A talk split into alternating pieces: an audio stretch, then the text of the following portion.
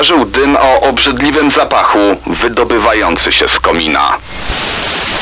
Jakby klęczała skulona w rogu pokoju, jakby uciekła w ten róg, szukając schronienia. Płatni zabójcy, seryjni mordercy i sceny zbrodni w RMFFM.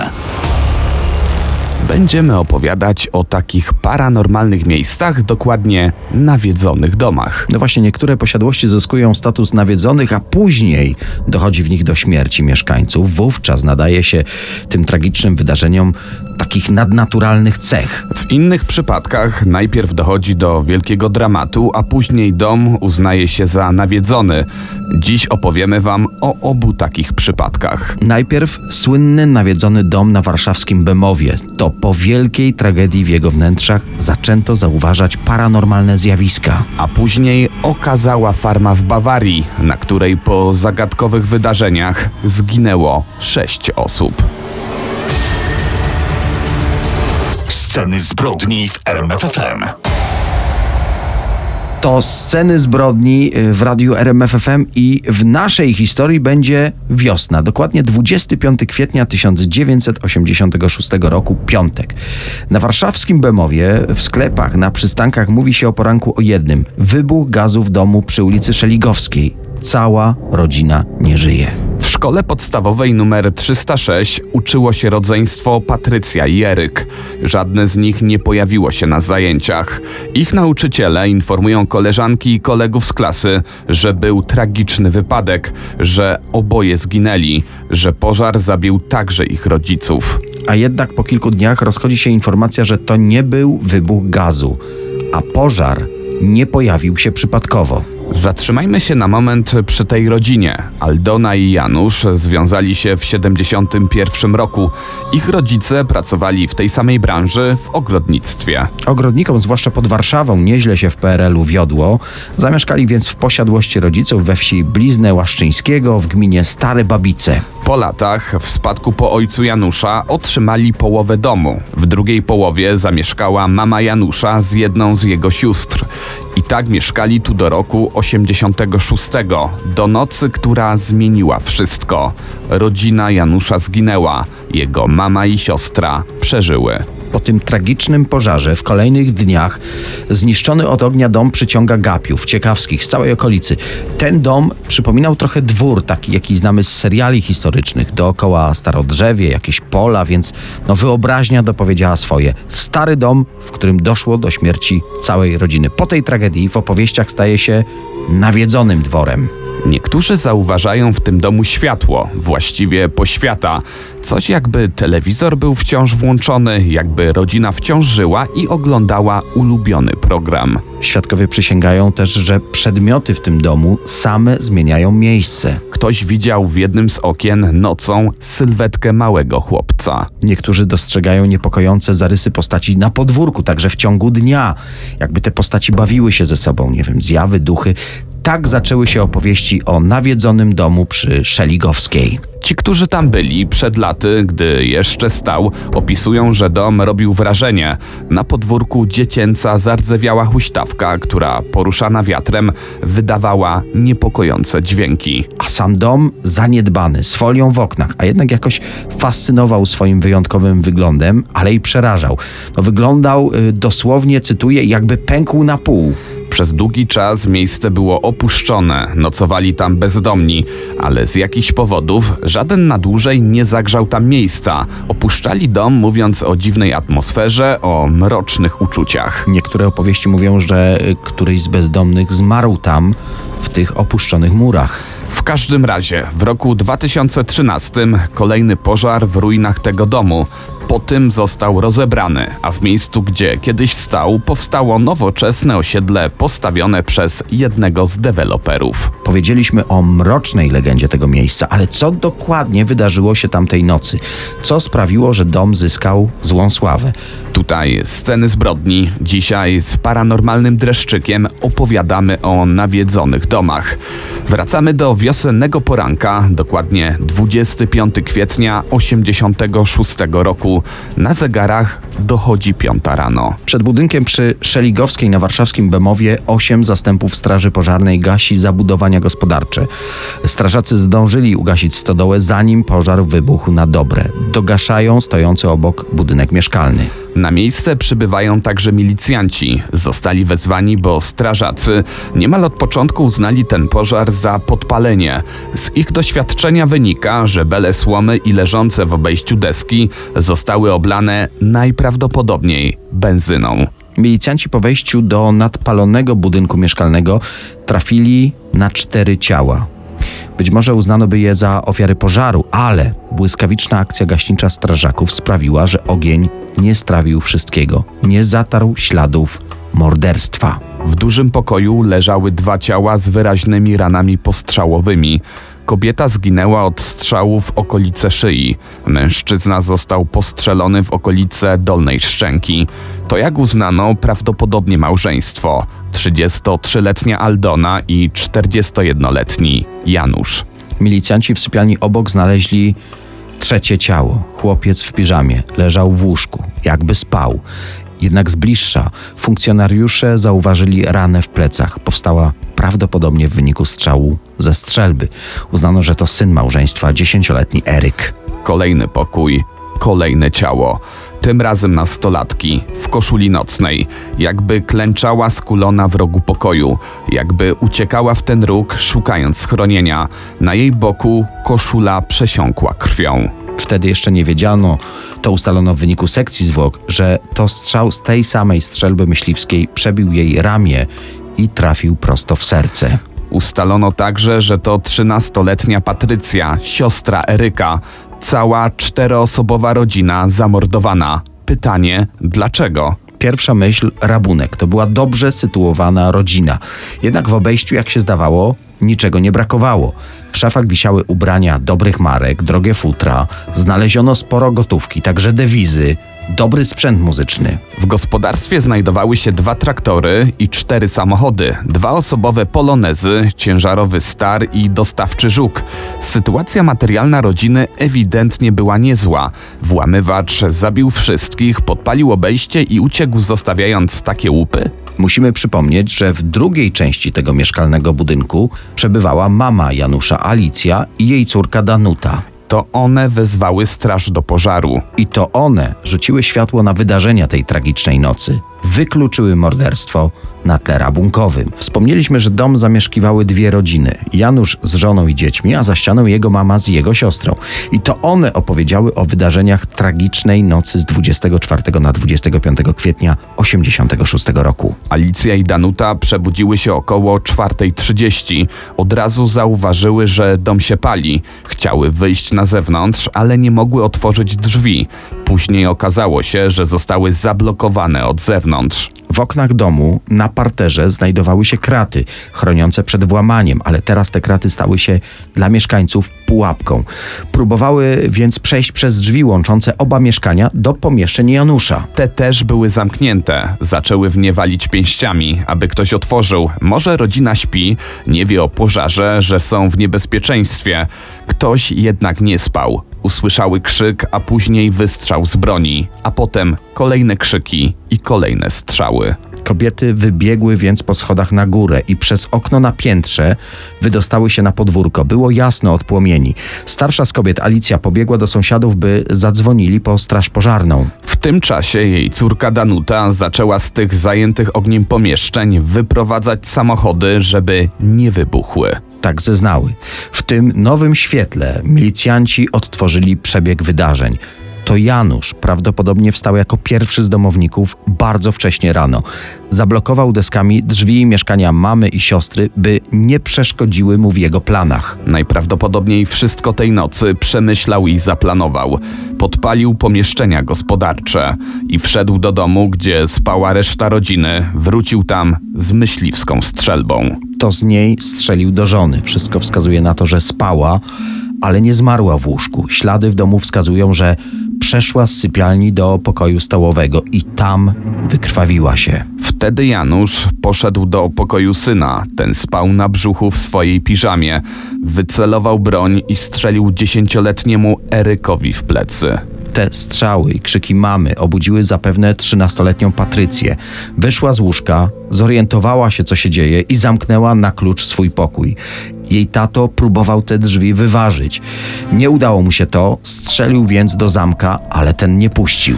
Znalazł jednak inną drogę do pokoju córki. W jej ścianę wmontowane było akwarium w taki sposób, że widoczne było i z jej pokoju, i z pokoju stołowego. Janusz rozbił akwarium i przez ten otwór przedostał się do pokoju dziewczynki. Nie wyobrażamy sobie jej strachu. Skuliła się w rogu pokoju, zasłoniła rękami głowę i wtedy jej tato strzelił. Kula przeszła przez ramię i utkwiła w sercu. Gdy zamordował już całą swoją najbliższą rodzinę, wrócił do dużego pokoju. Sięgnął po kanister, rozlał benzynę po całym pomieszczeniu. Chciał podpalić dom. Ewidentnie w tym pożarze zginąć miała także jego mama i siostra za ścianą, dlatego zablokował ich jedyne wyjście. A jednak błyskawicznie przyjechała straż pożarna i wówczas wiedział, że jego plan nie w pełni się powiedzie. Wtedy prawdopodobnie zdecydował o przyłożeniu lufy strzelby do swojej brody. Stanął tak przy zwłokach żony i nacisnął spust. Skoro wspomnieliśmy o tej strzelbie, znaleziono ją w pierwszym z pokoi, do którego weszli milicjanci. Od razu zauważyli ją leżącą u stóp mężczyzny. Najważniejsze pytanie: co doprowadziło do tej tragedii? Tego nie udało się nigdy bezspornie ustalić. Ale prześledźmy najpopularniejsze wątki. Mówiliśmy, że początkowo postawiono na motyw rabunkowy, ale z domu nic nie zniknęło, a jednak ten wątek wrócił w trakcie śledztwa. Okazało się, że w domu była skrytka na biżuterię ukryta w stojaku na kwiatki. Po otwarciu tego schowka w środku znaleziono jedynie pudełko po kosztownościach. Zawartość zniknęła, a wartość tej biżuterii miała wynosić około 400 tysięcy złotych. Wiele osób uznało, że to był motyw, a broń podłożono, by skierować podejrzenia na męża. Po półtora roku śledztwa milicji nie udało się wyjaśnić, co stało się z tą biżuterią. Wtedy też śledztwo umorzono, a prokurator napisał w decyzji: Kwestia powodów, dla których doszło do tragedii, pozostanie na zawsze otwarta. Podłożem dokonania zabójstwa i samobójczej śmierci Janusza S. mogły być głębokie nieporozumienia rodzinne, których w toku śledztwa nie można w sposób absolutnie obiektywny ustalić, bądź też choroba psychiczna Janusza S. I wiele osób uznało, że to naprawdę musiał być czyn szaleńca. Ale wśród sąsiadów krąży jeszcze jedna wersja, że żona Aldona chciała od Janusza odejść. Podobno w sypialni znaleziono spakowane walizki, a w torebce kobiety znajdowało się sporo gotówki. Być może mąż postanowił jej na to nie pozwolić za cenę jej życia, życia ich dzieci i jego własnego życia. Sceny zbrodni w RMFFM. Tu sceny zbrodni, nawiedzone domy, no i czas na jedną z największych zagadek w paranormalnej historii świata. Co doprowadziło do morderstwa sześciorga mieszkańców gospodarstwa w Bawarii? Śledczy z całego świata od ponad 100 lat próbują rozwiązać tę mroczną tajemnicę. Przenosimy się do południowej części Niemiec, dokładnie do górnej Bawarii. Około 60 km od Monachium znajduje się wieś Grubern. Nieopodal tej wioski położone jest gospodarstwo nazywane przez lokalców Hinterkaifeck. Farma zlokalizowana w ustronnym miejscu, najbliższe sąsiedztwo jest oddalone o 500 metrów. Gröbern na początku XX wieku zamieszkiwało zaledwie 60 mieszkańców. Zaliczała się do nich pięcioosobowa rodzina Grüber. 63-letni Andreas, jego żona Cecylia, ich owdowiała córka 35-letnia Wiktoria Gabriel wraz z dwójką dzieci, 7-letnią Cecylią Junior i dwuletnim Józefem. Formalnie gospodarstwo od kilku lat należy do Wiktorii, której mąż zginął w czasie I wojny światowej. Rodzinie pomagały pokojówki i pracownicy zatrudniani na czas żniw. W dużym skrócie, rodzina była zamożna, pracowita i miała niewielki kontakt z sąsiedztwem. Spore gospodarstwo w kształcie litery L składało się z części mieszkalnej, stajni, stodoły i maszynowni. Pomieszczenia były częściowo połączone ze sobą drzwiami, można było również wejść do nich z zewnątrz. W 1922 roku w Hinterkaifeck doszło do wielu dziwnych wydarzeń. 30 marca ktoś włamał się do maszynowni, nic jednak nie zostało skradzione. Zauważono również ślady butów prowadzące do gospodarstwa, nie było jednak śladów wiodących z powrotem. Tego samego dnia w pobliżu farmy, niedaleko lasu, znaleziono aktualne wydanie gazety Munchner Zeitung, wydawanej w Monachium. Nikt z domowników nie był wówczas w tym mieście. W połowie marca 1922 roku Wiktoria Gabriel zostawiła w kościele, dokładnie w konfesjonale, darowiznę w wysokości 700 złotych marek. W podobnym czasie Wiktoria sprzeczała się z jakimś nieznajomym mężczyzną na cmentarzu. Miała go nawet uderzyć w twarz. Mieszkańcy gospodarstwa skarżyli się również na dziwne dźwięki wydostające się ze strychu. Andreas Gruber przeszukał pomieszczenia, ale niczego tam nie znalazł. W okolicy spekulowano, że dom jest nawiedzony. Tych zagadkowych zdarzeń było więcej. Pewnej nocy z gospodarstwa uciekła 72-letnia Cecylia. Została znaleziona w okolicy domu, gdy płakała, po prostu siedząc na pniu. Dodajmy jeszcze, że gospodarz Andreas w dziwnych okolicznościach zgubił klucz do tego domu. 31 marca w piątek około 16.30 do gospodarstwa przybyła nowa służąca Maria razem ze swoją siostrą Franciską. Po godzinie siostra opuszcza Hinterkaifeck. Kolejnego dnia, w sobotę, mała Cecylia nie przyszła do szkoły. Obwoźni sprzedawcy kawy w południe odwiedzają gospodarstwo, ale nikogo tam nie zastają. Wieczorem lokalny rolnik dostrzegł na skraju lasu dwie nieznajome postacie, które szybko zasłoniły twarze. W nocy miejscowy rzemieślnik przechodził obok domu Gruberów.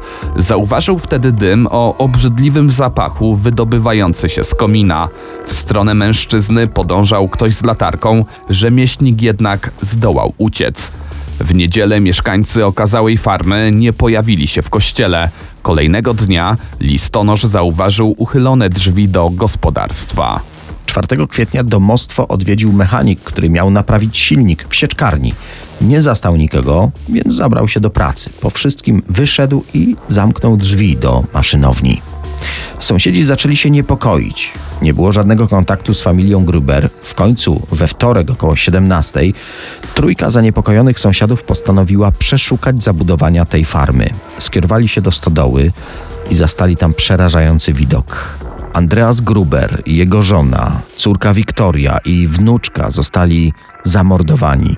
Ciała leżały na ziemi przykryte grubą warstwą siana i starymi drzwiami. Na tym nie koniec. W domu odkryto zwłoki pokojówki Marii i małego Józefa. Sześć osób zostało zamordowanych w bardzo tajemniczych okolicznościach. Do dzisiaj zachował się policyjny protokół z miejsca zbrodni.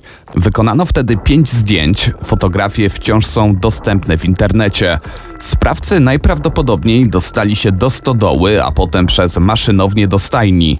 Tam straszyli bydło i inne zwierzęta. Tym sposobem zwabili gospodarza i innych członków rodziny. Przy bardzo wąskich drzwiach do stajni po kolei zabijali nieświadomych domowników.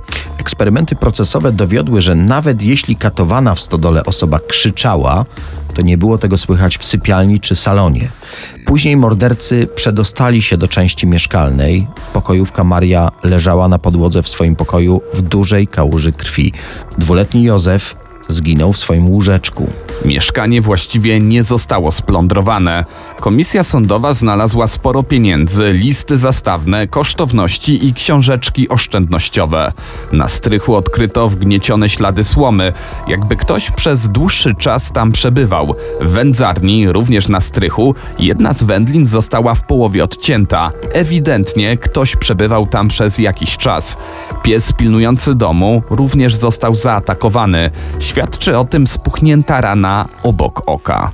Najprawdopodobniej do morderstwa doszło w nocy z 31 marca na 1 kwietnia, z piątku na sobotę, gdy mieszkańcy Hinterkaifeck szykowali się do snu.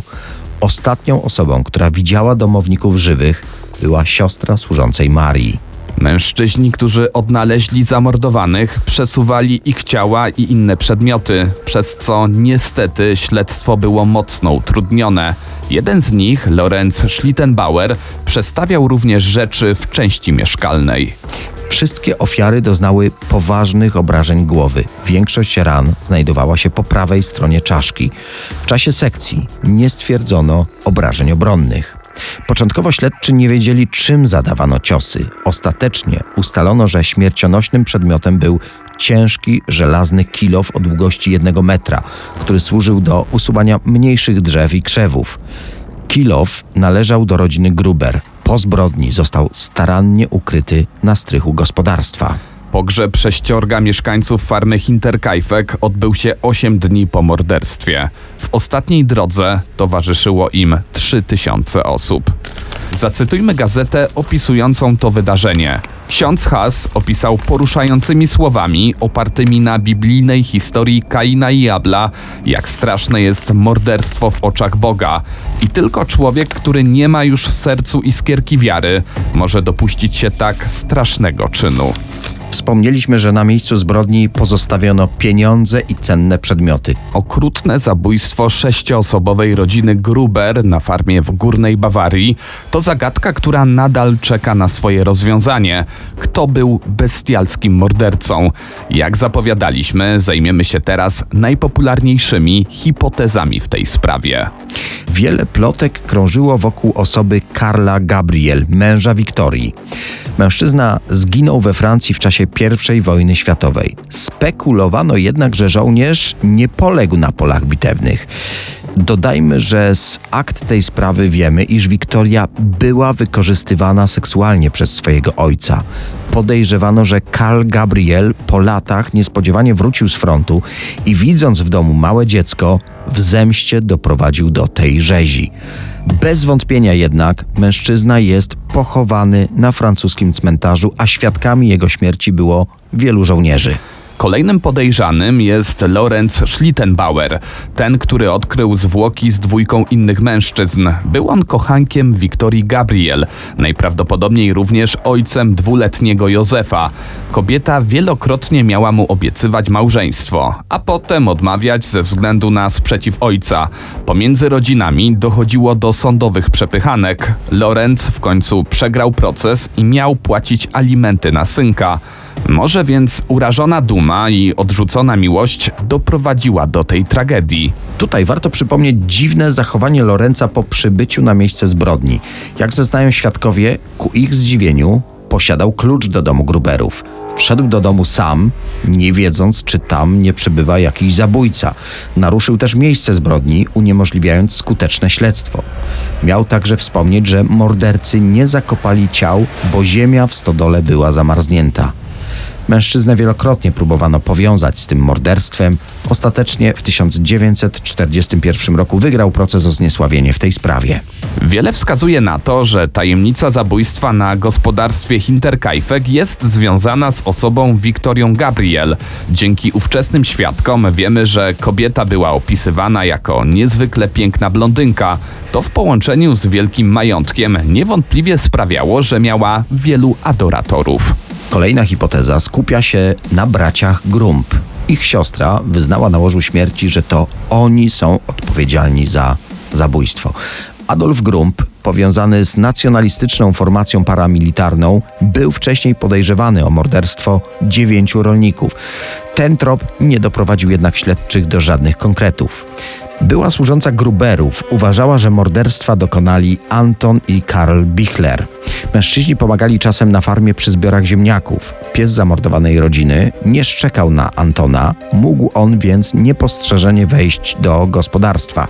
Podczas rozmów ze wspomnianą służącą, bracia mieli sugerować, że bogata rodzina powinna umrzeć. Mogli też współpracować z innym mężczyzną, Georgiem Siglem, który wcześniej okradł posiadłość Gruberów. Wiedział on, że na terenie gospodarstwa znajduje się kilow, który później okazał się narzędziem zbrodni. Według innej teorii za zabójstwo odpowiada morderca Paul Miller, który w USA miał zabić dziesiątki osób. Przed amerykańską policją uciekł do Niemiec, czyli swojej ojczyzny. Tę hipotezę w książce The Man from the Train promuje Bill James. To oczywiście tylko kilka hipotez z całego morza prawdopodobnych wersji wydarzeń. Niecały rok po morderstwie farma Hinterkaifeck została zburzona. Odkryto wówczas dodatkowe dowody, w tym wspomniany kilow i kawałek stali. Przedmioty nosiły ślady krwi. Obecnie w pobliżu dawnego gospodarstwa znajduje się biała kapliczka, upamiętniająca dramat rodziny Gruber. Sceny zbrodni w RMFFM.